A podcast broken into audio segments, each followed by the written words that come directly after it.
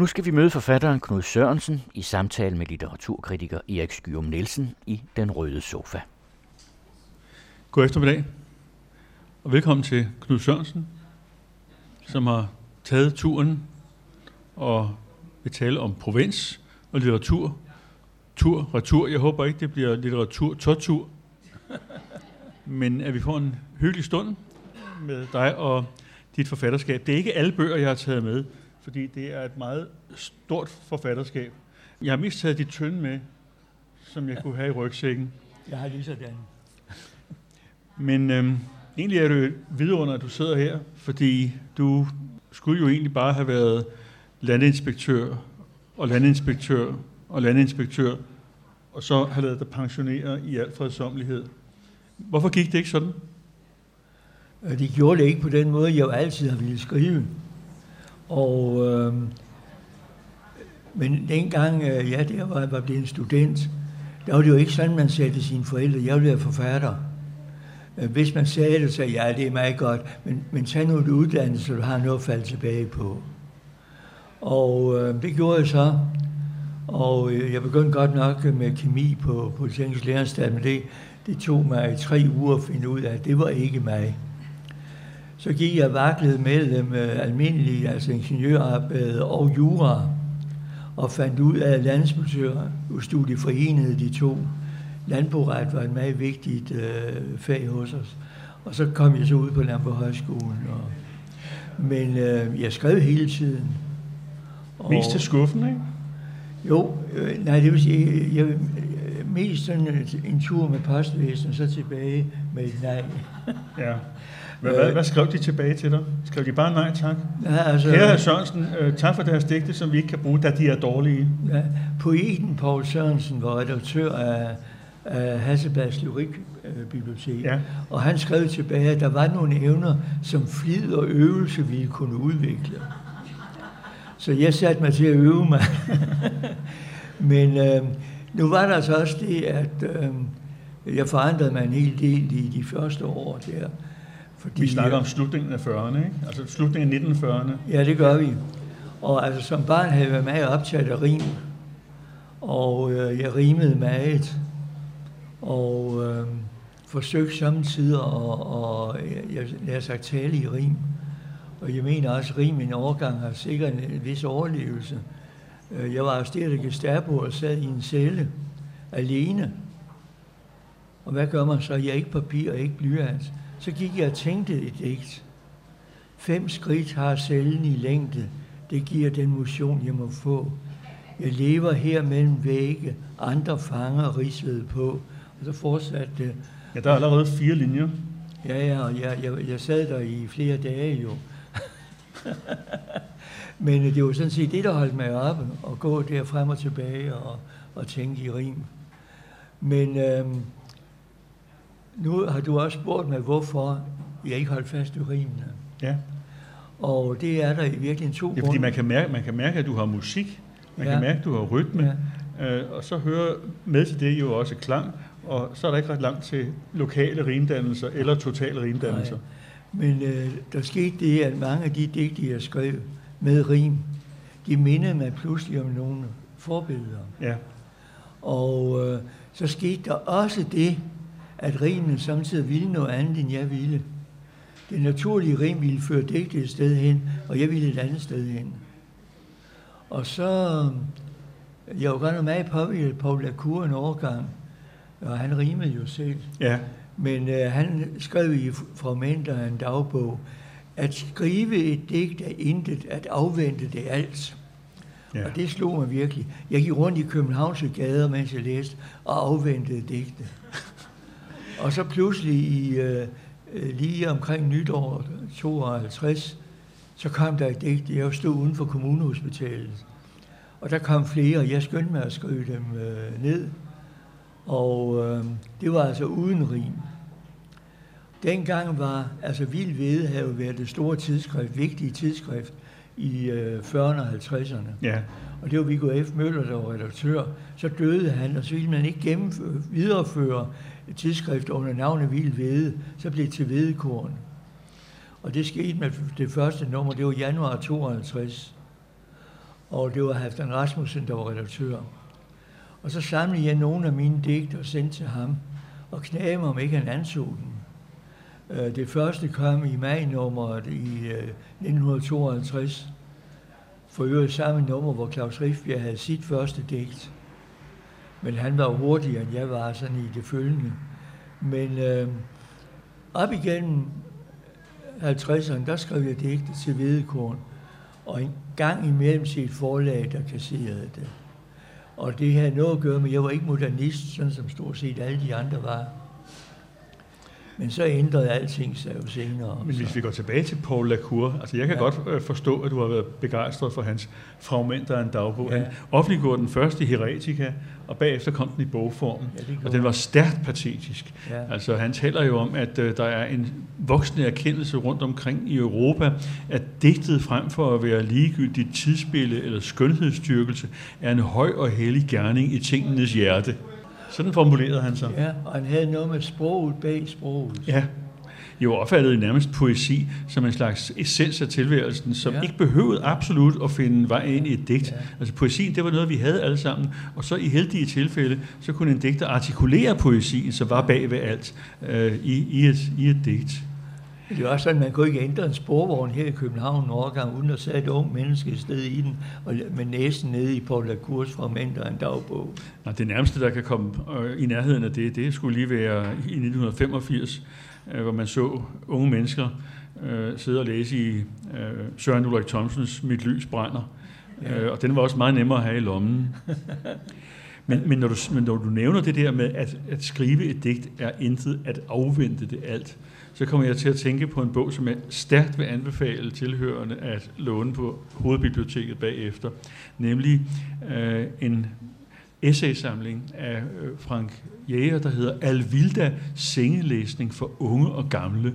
Og deri indgår et kapitel, der hedder Finsk Bohem, som er en tyk parodi på Paul Lacours fragmenter. Frank Jæger, han skriver blandt andet, øh, når Pallilakuri, som hovedpersonen i essayet hedder. Når Pallilakuri sidder på værtshus øh, i Finland, så vil han gerne have en øl, øh, men det kommer ikke altid øh, med det samme. Øh, og så skriver Palle Lillakuri, at bestille en øl er intet, at afvente den alt. det må jeg huske. det fylder noget med otte sider, det er hyldeskæg. Ja. Men altså, jeg er ikke helt enig i det, du siger øh, med, at du ikke skulle have været modernist. Fordi når jeg nu øh, i dagens højtidlige anledning tager fat i den her vidunderlige bog, som jeg er så glad for at eje, Den røde kaffekande, småborgerlige digte, Gyldendal 1965. Og jeg så giver mig til at analysere på den, sådan som vi skal på universitetet, øh, så slår det mig, at der er mange eksempler på øh, ret vilde metaforer, og der er også mange eksempler på øh, sætninger, som ikke er sætninger. Altså bare for her at, at tage idyll i al ærbarhed, så står der perfekt i scenesættelse, Solen falder med stigende hast mod horisonten. Rødere, rundere, større, grådigere, suger alt fylde ud af denne forunderlige verden. Det starter faktisk med noget, som ikke er en sætning. Ja, det gør det egentlig, ja. Så hvis vi tager jeg de rent formelle kriterier, altså at vi har linjer, som ikke er sætninger, og vi har vilde billeder, og vi har et dagligt sprog, som bare bliver drevet til det yderste, så vil jeg da godt øh, øh være tilbøjelig til at kalde dig modernist i 65. Ja, men altså modernisterne brugte jo meget associationer. Ja. Og det, det er jo det, altså det, det, det den røde kaffekande går netop på, at det man bruger sprog til, det er at beskrive, at den er rød, slut. Men øh, øh, så, øh, altså både, både min øh, kone og jeg var fra Vendsyssel og ville gerne væk fra København og ud i, i landet. Og øh, jeg havde sådan et Danmarkskort, hvor jeg havde sat nåle i de steder, hvor der var et dommerkontor, men ingen landinspektører. Der er en vældig, altså øh, udstykning, matrikel og så videre, hører sammen med ting og det. Og der var, der var for eksempel Høng, hvor der var lige ved at nedsætte mig, men så kom en af mine holdkammerater med lige i forkøbet, for han havde også fundet ud af, at Høng var et godt sted. Det er så, så nemt at sige på fransk, ikke? Uh-huh. Ja. så havde jeg været Stor Hedinge, og så er det ved at være sket på Sjælland. Jeg spekulerede lidt på Korsør, men så er det Samsø og Nibe og Skagen, men der sagde min kone, der husk på, at du er lidt vandmåler og ikke vandmåler. og det var ret fornuftigt sagt. Så en dag læste jeg en annonce i Berlingske Tiden om en landsputørpraksis, der var til salg i en mindre jysk købstad. Og det var billetmærker. Jeg lagde ind og fik så en opringning, at det var en, øh, det var en afdød landsputør Balstøs praksis på Nykøbing Mors. Jeg har aldrig været på Mors. Jeg har set Mors. Jeg var højdespringer, da jeg så noget ganske ung. Og jeg var engang til stævne i Tisted, og der sprang jeg så højt, at jeg ud over hane kunne se handklidt over på Mors. Men det var det eneste, jeg vidste om. Og så vidste jeg, at Sandemose var derfra, og der var noget, der hed Mors i. Men undskyld, det her, det her må vi have opklaret. Altså, nu er der jo snart atletik-VM, Knud. Ja. Øh, du sprang saksespring, ikke? Nej, jeg sprang kalifornisk. Altså væltespring? Ja. Men det var før Fosbury-stilen blev ja, ja, opfundet? Ja, man måtte ikke komme over med hovedet først. Nej. Det blev tilladt i Mexico i 68. Ja, det gjorde den. Ja. Jamen, så fik vi det på plads. Ja. Fordi vi havde, vi havde en i Holte Idrætsforening, da jeg var dreng, der hed Jan Magnussen. Øh, og han, han kunne ikke springe kalifornisk. Han sprang uh, saksespring, ja. men, men nåede op på 1,95. Ja, det var flot. Jeg nåede kun, jeg nåede kun 80. Men jeg tror nok, at i øh, var det 49, var jeg vist den eneste dansker, der sprang over min egen højde. Desværre var der nogen, der var en del højere. Så på ranglisten var vist kun nummer 4. Jeg, Men, synes, det, jeg øh, synes, det er godt at vide det her. Altså, øhm, der, der, der var en norsk digter, der engang skrev et digt om, at han godt kunne tænke sig at prøve de her nye stylter, som man kaldte modernisme.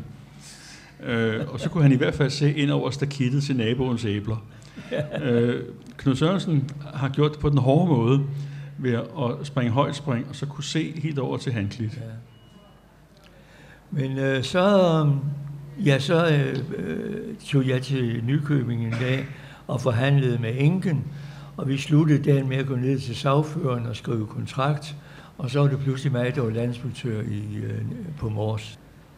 Det var, det, var, altså, det var spændende at komme, komme i det helt andet, i det der landbomiljø. Da jeg var herovre, der var det jo meget byggeri, og vi satte hus af, og, og grundspekulation og den slags. Nu var det virkelig ude til ud og spønde, og de der problemer, der er forbundet med landbruget. Så der befandt jeg mig egentlig helt godt, synes jeg nu bagefter i hvert fald. Men øh, indimellem var du der vidne til nogle uhyreligheder? Ja, det var jeg, og en gang imellem, så var det, øh, så var det ikke helt, helt rart, det var man medvirkede til. Nej. Altså, jeg blev sådan lidt af en specialist i jordfordeling. Det vil sige, at man slår en masse ejendomme sammen i en pulje, deler dem op på ny i, øh, med bedre vurderinger. Folk kan så ønske, om de vil sælge noget, eller de vil købe noget, og så laver man sådan en plan. Og det var vældig sjovt. Men så kom, da vi skulle have brovejen, vi fik, vi fik Sandsundsbroen og en ny vej over Mors.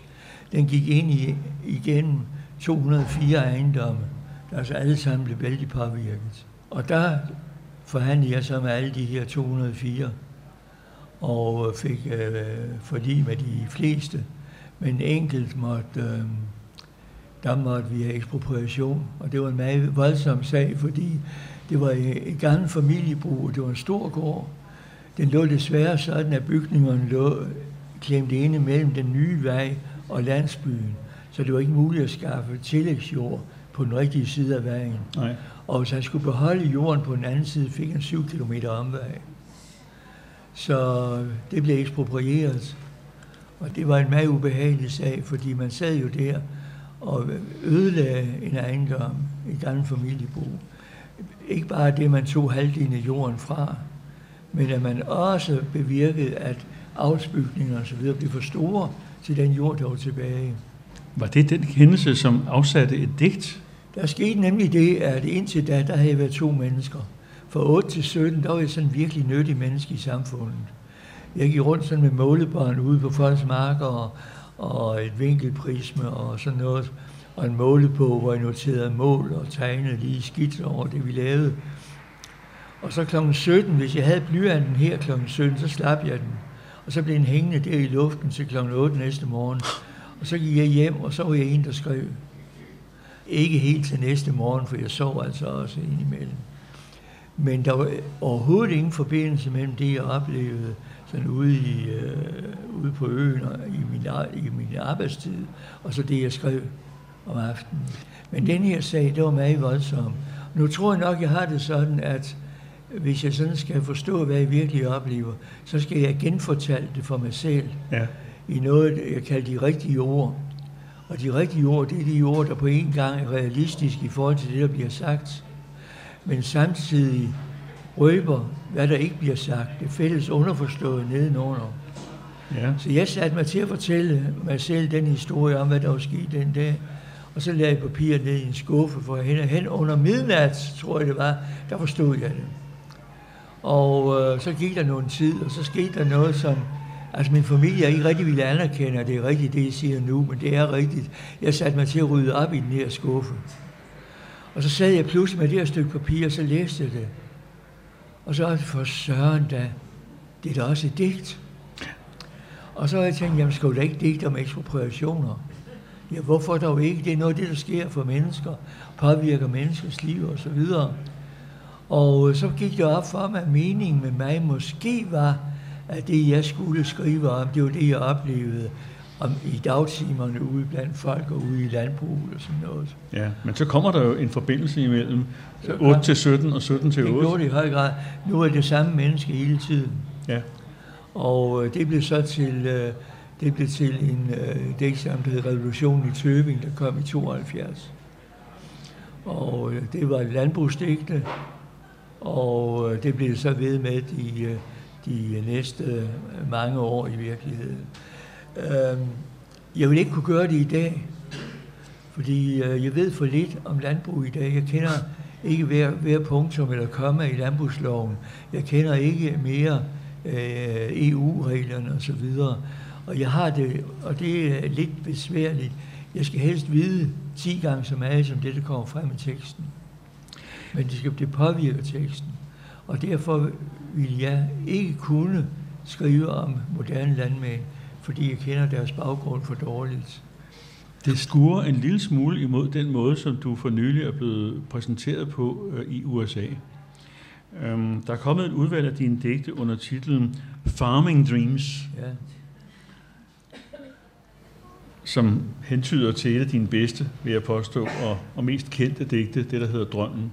Ja. Men uh, din oversætter, han har i forbindelse med udgivelsen af Farming Dreams beskrevet, nu slår vi over i engelsk, beskrevet bogen som both a celebration of the earth and a warning of how much can be lost. Så siger han videre, at du, digteren, siger, that we have to remember our humanity and not just consider the latest innovation. Altså, der gør han der nærmest til sådan en slags øh, nostalgiker på det traditionelle landbrugs vegne. Ja, man skal give det historiske med i det, fordi øh, han øh, har oplevet nøjagtigt det, jeg beskriver i sin egen øh, hjemmeegn ja. i USA. Ja. Så er New Jersey, eller hvor er det? Nej, det er Massachusetts. Ja. Han er for øvrigt en sjov fyr.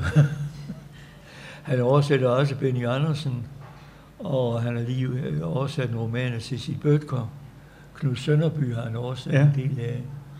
Men, men jeg hører ham altså øh, beskrive en Knud Sørensen, øh, som øh, næsten bare er identisk med det at skrive om landbruget. Ja. Og der, der må jeg stejle lidt, fordi jeg synes, der er sket så mange ting siden. Ja, det synes jeg også. altså for eksempel så har du øh, her for nylig udgivet to ganske vist ikke særlig omfangsrige digtsamlinger, som jeg opfatter som øh, meget mere personlige ja. øh, og meget mere almene naturorienterede. Nemlig. Og øh, egentlig også mere sanselige. Ja. Altså øh, med ligesom bevidstheden helt ja. ude i, i fingrene og i, ja. i ørerne og i lugtesansen. Det er sjovt, du siger det, fordi øh, altså i mange år, det var i 70'erne og 80'erne, øh, der var jeg en af dem, der skrev mange debatdigte, sådan nærmest politiske digte. Ja, sådan lidt af Torkild Bjørnvis miljødigte. Ja, også det, og ja. men, men også sådan mere direkte ja. øh, om øh, økonomiske forhold og, og betalingsbalance og sådan noget. For dengang var det jo faktisk sådan, at Danmarks Radio havde en udsendelse, der hed Undervandstidene en gang om ugen. Ja, som var en del af perspektivkassen. Ja, ja. og der ringede man ud til lyrikere hver uge og bestilte digte til næste uge ud fra et bestemt tema. Og det var meget spændende, og der skrev vi altså de her. Men den slags digte, det er jo digte, hvor man ved, hvor man vil hen. Ja. Det er virkelig en slutning, man kender først. Hvorimod i dag, der er det ganske anderledes for mig. De fleste af de digte, øh, også der er til i de to bøger, du taler om. Ja, jeg taler om den, der hedder øh, Først Nu fra 2013, ja, og, mere, og så Mere Endnu, mere endnu fra ja. 2015. Og så skal der selvfølgelig komme en, der hedder Endnu Mere. Endnu Mere. Men øh, der er det, de fleste af de digte er blevet til, når jeg om morgenen går en tur øh, nede ved fjorden, ved plantagen og så videre, så pludselig begynder der at dukke nogle ord op i hovedet på mig, som jeg ikke har nogen anelse om, hvor de vil føre hen, ja, og jeg, jeg, de bliver udvidet. Det bliver mere og mere efter, indtil jeg kommer hjem og sætter mig ved computeren. Og sådan er de fleste af de digte bliver til. Og jeg har et samtidig fornemmelsen, at der står og venter et digt der henne bag ved det træ. Men der kom det igen, altså den der med, at, at der findes digte overalt. Det gælder bare ja, om at finde dem. Nemlig. Det var, det var faktisk Vagn Sten, der sagde det ja. øh, i, i slutningen af 60'erne. Ja. Altså det forlyder jo, jeg har jo forhørt mig lidt forud for det her interview, det forlyder jo, øh, at øh, du er meget glad for din skridttæller. Ja, ja den er her. Vi, og øh, den står i dette øjeblik på 5.844. Hvornår, hvor længe har du gået dem? I dag. Det er hver dag. Altså, jeg, jeg, jeg er hammerende skør. Øh, vanvittig metal. Det, det er næsten 4.000 dage siden, nogle gode venner forærede mig sådan en. Og hver aften noterer hvor mange jeg skridt, jeg har gået den dag, lægger sammen, regner gennemsnit ud. Og det gennemsnit, jeg nu regner med i øjeblikket, det er 8.260. Og jeg er tit over 8.260, så sætter jeg skridtene i en skridtbank. Ja. Og den er i øjeblikket på 129.000 og noget. Så jeg kan godt sidde i toget i, øh, i fem timer i morgen. Jamen, det var godt, du kunne komme. Ja. For mig. Men, men øh, vi men, havde jo en poet, vi havde jo en dansk poet, øh, født 1955, som havde lovet, at han ville drikke sig ihjel, inden han blev 30. Ja. Og det holdt han ikke. Øh, FP Jak. Ja. Men han kaldte sig faktisk på et tidspunkt for, for skridtets poet. Men han tænkte på et andet skridt, ja. må jeg nok indrømme. Men altså, du går, du går, går dine digte frem. Jeg går, jeg går, ja. Og øh, det, det er længe siden, at et digt er begyndt, når jeg er her, når jeg er derhjemme. Det kommer dernede ved, ved fjorden, og øh, fjorden kommer også ind i mange af de der nyere digte, som ikke er trygt endnu. Ja, som ikke er trygt endnu, altså den, der hedder Ikke endnu. ja, netop. Men, og, men øh, er vi ikke derhen, hvor, hvor vi godt kunne tænke os at, at høre et af dem? Altså, jeg har nogle favoritter, jeg har skrevet ned her. Jeg, jeg synes, der er en forskel på først nu og mere endnu. Fordi først nu øhm, handler egentlig meget om, om det er noget så almindeligt som evigheden i øjeblikket. Det er, det at nuet åbner sig, og øhm, fra at være et sted og en person på et sted, bliver til et uendelighedsrum. Men jeg tror ikke, jeg røber nogen stor hemmelighed, Knud, ved at hævde, at der i mere endnu øh, faktisk også er meget bevidsthed om, at der måske ikke er så meget endnu. Ja. Altså, at der er en, en, en besindelse på døden. Ja. Øh, så må du selv vælge, om du vil have et landskabsdigt eller et øh, besindelsesdigt. Jeg kunne altså godt tænke mig at høre et eller andet omkring 23, 24 eller 27 i først nu. Dem holder jeg meget af. Der er et her, der hedder først nu. Og så er der et, som hedder Jeg tror. Ja. Jeg, jeg ved ikke, om det var noget, det er noget for den her. Ja, det er fint. Jeg vil godt begynde her med Jeg tror. Jeg tror, eller måske rettere, jeg vil tro, at om en million års tid, måske plus minus nogle hundrede tusinde, og naturligvis også plus minus syv, vil de molekyler, der i dag udgør mig og giver mig rum for denne vilje til tro, tilfældigt finde sammen et sted i universet. Og de vil finde sammen i netop de indbyrdes mønstre, de i dag danner. Og jeg håber, at stedet, hvor det sker, er på en grøn klode som denne, og gerne med en udsigt over en blå fjord. Og jeg håber, at også et andet sæt molekyler har fundet sammen i godt selskab med mine. Og så vil vi to genskabte række hinanden hånden og slette alle de årtusinder, der er gået. Det kunne man da godt kalde en, en evighedslængsel. Ja. Man kunne også kalde det en, gensyn, en, en, en, en, en længsel efter gensyn og sameksistens. Nemlig. Ja. Men når vi er blevet lidt alvorlige, så kan vi vel også godt tåle at høre øh, et digt fra, øh, fra mere endnu. Jeg tænkte på fuldmånen i vest. Ja. Fuldmånen i vest, den er faldende derude i den oktobermorgen, og herfra, hvor jeg står, en halv times tid før dagslyset springer ud, kan jeg se, at den om lidt vil ramme kirkespiret. Måske vil den punktere og klaske sammen. Derfor går jeg nu nogle skridt til siden, så den uskat og blidt kan glide ned langs tårnet og forsvinde bag hækken derinde. Og der kan den så forberede sig på genopstandelsen om en halvsnes timer et sted derude i det østlige. Ja, hvad sker der her? Der har vi et, et, et sted i tiden, og, og, og så samtidig en åbning til en alternativ oplevelse, som handler om, at stedet befinder sig uden for tiden. Og så har vi en digter, som på en meget nøgtern måde og i et nøgtern sprog tager bestik af situationen, som er hans egen og vores allesammens.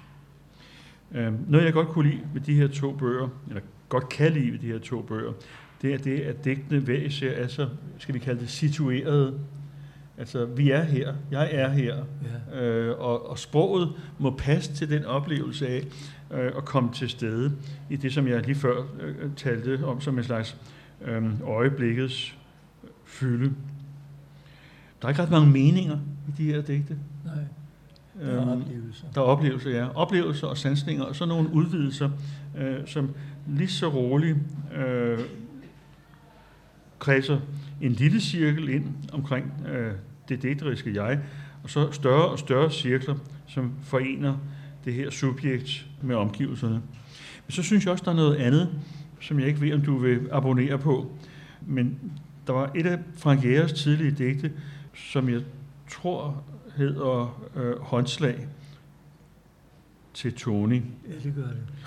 Og jeg tror også, at det er det digt, men jeg er ikke helt sikker, hvor der til sidst står, glem ikke at bevare jeres undren. Jeg tror, jeg tror du er ret i det. Ja. ja. Det kunne også godt være et motto her.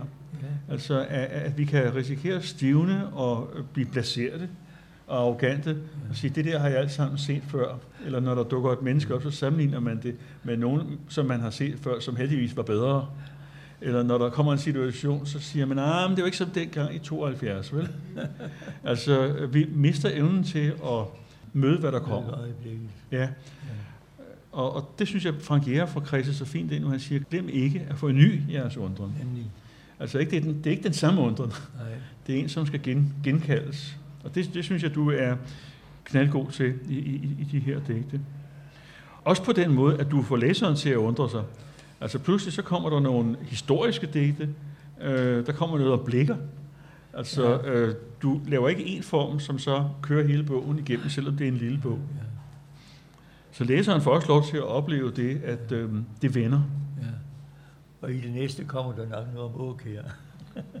Men øh, når vi nu snakker om blikker, skal vi så ikke også høre det? Jo. Der er faktisk et par stykker, hvor han er til stede. Øh, men jeg tænker mest, mest på det, der hedder stundom. Ja, netop. Øh, som øh, har første ord i Hosekræmmeren øh, ja, som sin titel. Stunder. Og jeg kan sige, at det er et digt, der er skrevet i forbindelse med et projekt, jeg er involveret i, hvor vi skal beskrive naturparken syd for Skive, øh, med Fløndersø og Stubergårdsø og over imod Holstebro og så videre. Stundom låner blikker mig sine øjne og et enkelt af sine ord, og således udstyret går jeg gennem denne del af det rigtige Jylland og glæder mig med ham over ved Hedeforret. Spejde med ham efter en menneskelig vågning, og jeg aner i en rydning derhenne profiler af et par omkring en stor sten, men kan ikke helt fokusere på den, mangler nok blikker små, ovale briller, men alligevel den dybe stemning herude ser jeg tydeligt i lidt fuglesang. Men vær rolig, alle i kramsfugle. Sine doner bundte hestehår har han ikke lånt mig, så det bliver ikke i dag i fanges i buskene og ender, som det han yndede og beskrev som små, nydelige stage. Og heller ikke jagtgeværet har jeg fået med, så de ender, der befugler Fløndersøs flade, og den har, der har forputtet sig, og som jeg ikke har nogen hund til at jage op, kan se denne dag trygt i møde.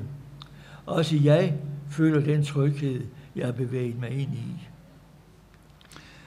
Der fik du jo faktisk lavet et nyt verbum.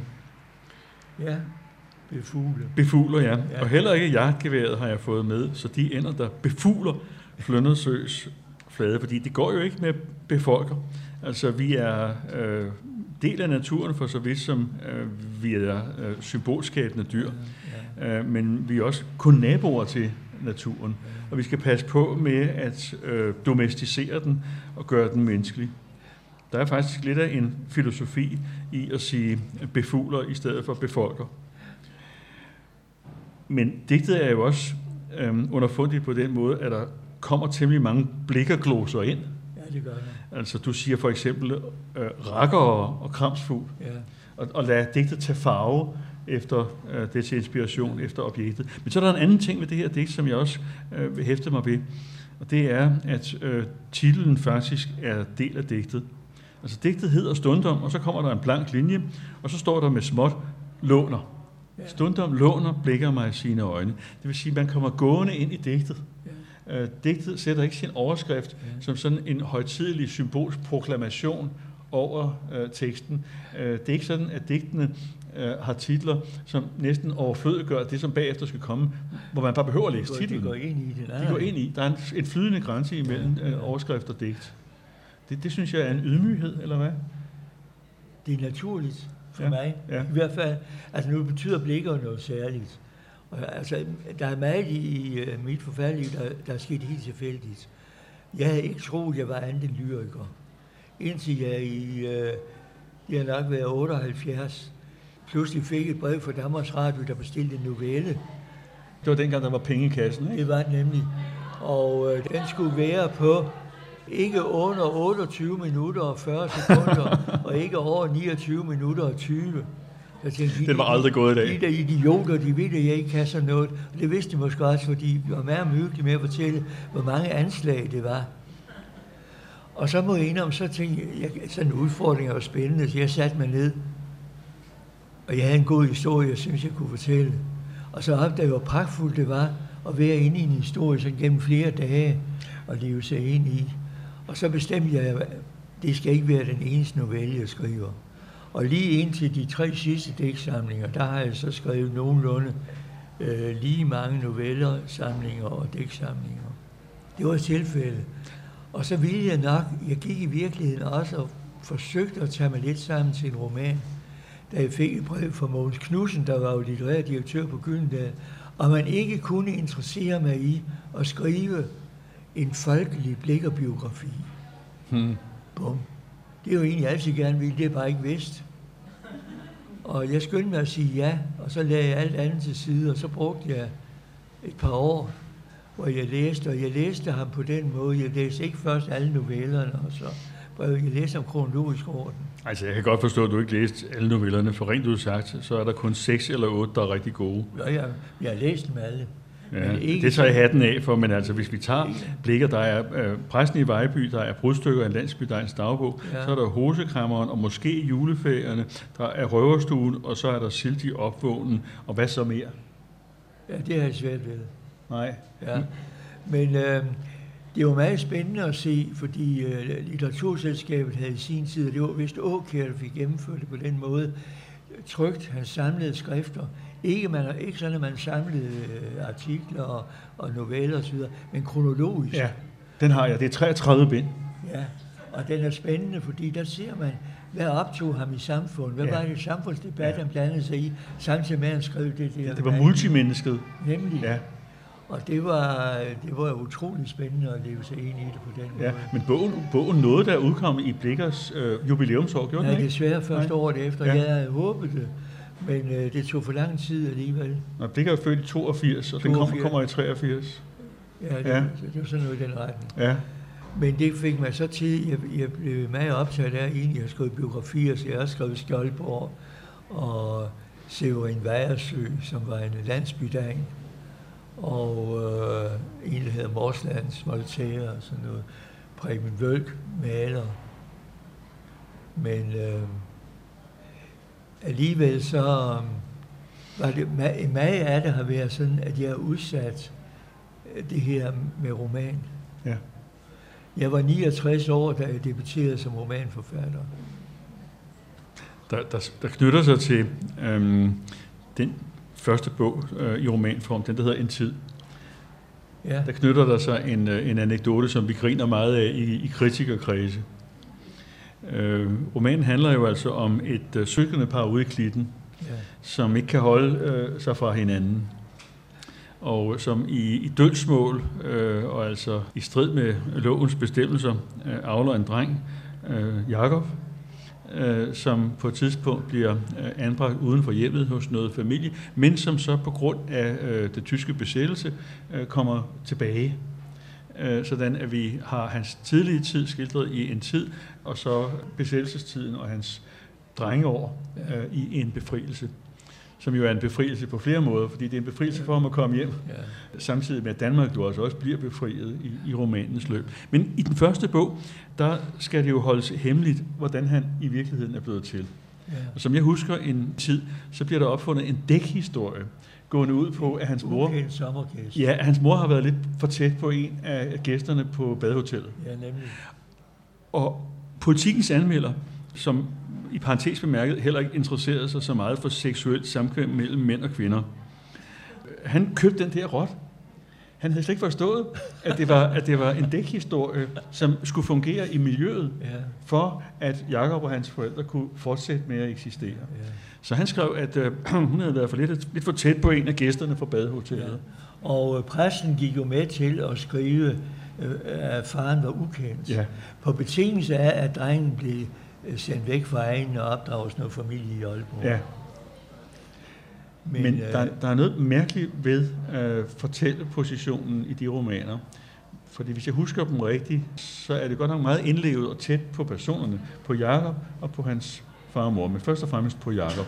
Men der er ikke desto mindre en vi fortæller til Ja. stede.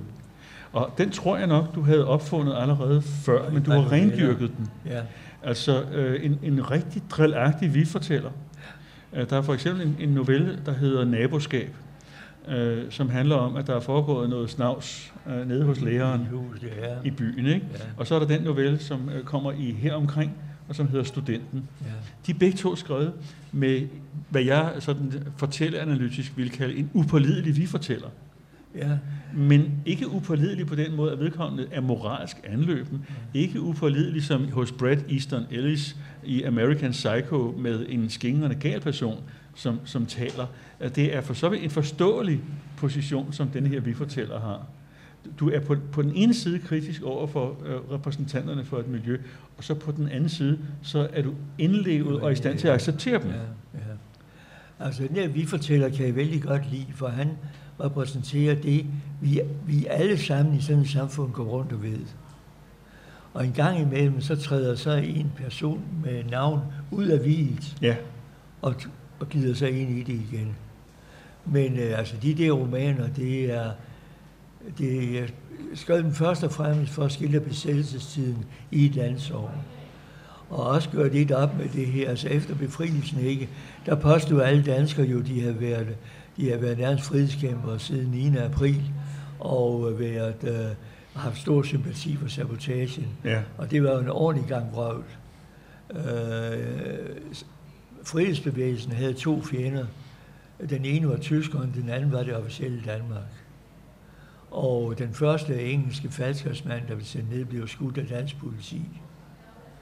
Men øh, Ja, eller du kan også tage en anden ting. Øh, under under øh, tilspidsningen i august øh, 43, ja, øh, hvor det gik relativt hårdt til øh, de steder, hvor der var en kæmpende arbejderklasse, Ja, ja. Øh, for eksempel øh, på Vesterbro Es- eller i Aalborg. Esbjerg, Esbjerg, Og Esbjerg og. Odense, ja. Øh, men altså lige de der dage i slutningen af august 43, har jeg læst, at der var der 15.000 til trav i Lunden, Ja, altså på Charlottenlund Lund travbane. Ja, ikke? ja. Livet gik videre. ja. De kan ikke alle sammen have været modstandsfolk. Nej, bestemt ikke. Og man kan se, hvis man ser på øh, øh, folketingsvalget i marts øh, 43, Ja. der er det 91 procent af de afgivende stemmer, der falder på samarbejdspartierne. Det eneste parti, der stillede op imod Skavenius, det var Dansk Samling, blandt andet anbefalet af Kai Munk. 2,5 procent. Og så det nazistiske bundpartiet også 2,5 procent. Men øh, det der med de 91, det siger altså en hel masse. Og fordi folk, altså det, det, det galt om, det var at bevare produktionsapparatet til efterkrigen. Jo, men så gentager det sig jo også i oktober 45 i det første folketingsvalg efter ja, ja. krigen, ikke? hvor man regner med, at, at nu, nu øh, kommer kommunisterne til nu at stille op, og nu, og nu ja. kommer det hele til at blive anderledes, ja. og så går alle stemmerne til de gamle partier ja, ja, igen. Ja. Men øh, sådan var det. Men altså, det var, det var sådan set det, der fik mig til at gå i gang med, med bogen. Så blev jeg optaget af personerne også. Ja. Og øh, desværre, det ærede mig vældig, at jeg øh, øh, havde gjort hovedpersonen Jakob to år yngre end mig selv.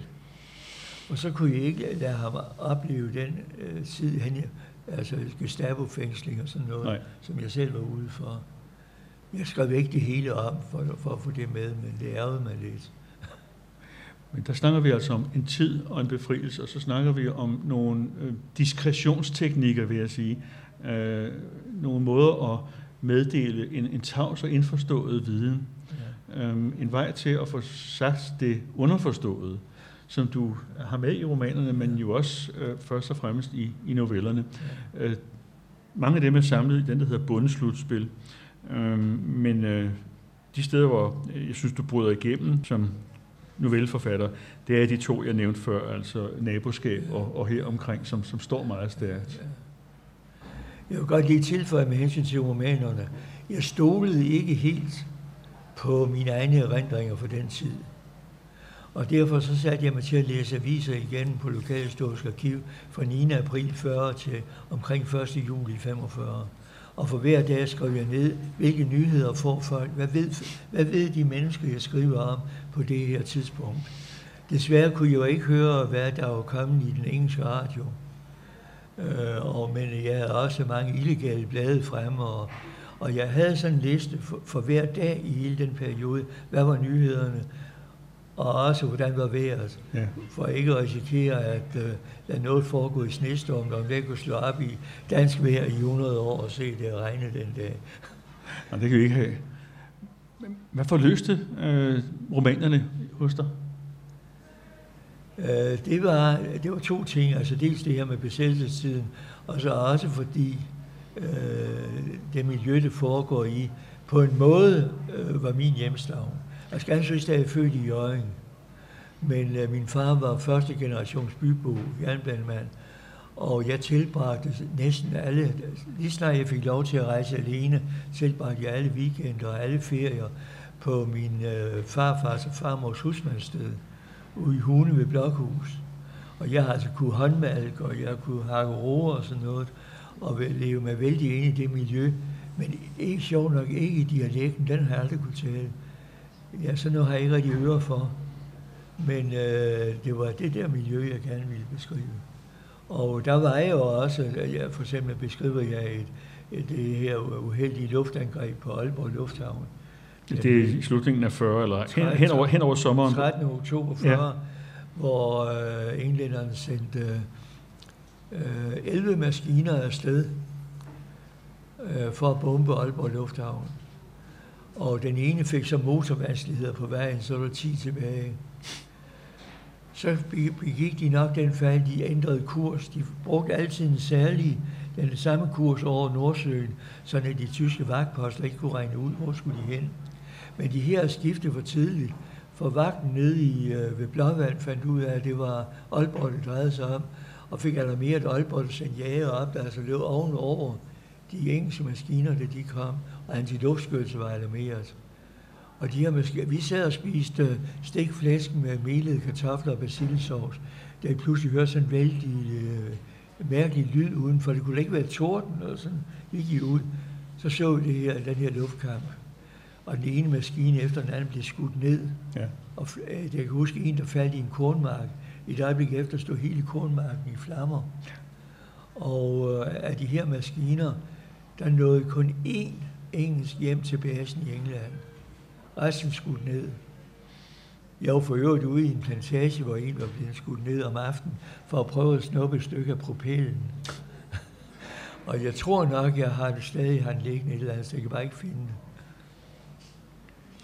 Der sluttede din karriere som pilot. Jeg kunne forestille mig, at det kunne være dejligt at slutte med et digt. Øhm, jeg er lidt usikker på, om det er mine eller dine favoritter, det skal være. Det kunne være, det var de samme. Så synes jeg, vi skal tage drømmen. Ja, Det er godt nok lidt gammelt, men det er utrolig slidstærkt. ja. Og nu skal jeg, så skal jeg sørge mig. øh, Jeg har briller på. Lige se, hvor vi har det. Side 117. Drømmen. Jeg vil have, at det skal være enkelt og let at forstå.